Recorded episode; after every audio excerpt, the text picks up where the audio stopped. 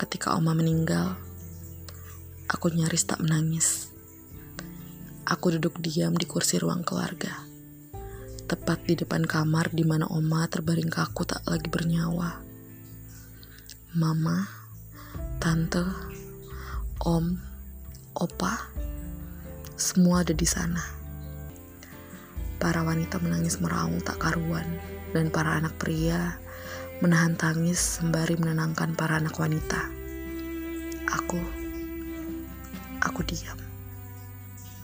Otakku bekerja sangat lambat dalam memahami arti kehilangan subuh itu. Ditambah lagi, tubuh lemahku yang masih dipenuhi virus sisa sakit kemarin. Oma selalu mengatakan, lebih tepatnya memohon agar aku tak mati lebih dulu darinya waktu aku sakit itu. Dan lihatlah, sepertinya malaikat mengaminkan ucapannya itu. Sehari setelah kepulanganku dari rumah sakit, Oma tiada. Aku harap itu bukan karena kesembuhanku. Kalau kata Bibi, Oma pergi membawa serta seluruh rasa sakitku.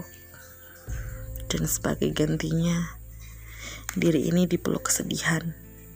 Di hari setelah subuh penuh isak itu, dan untuk waktu yang tidak ditentukan.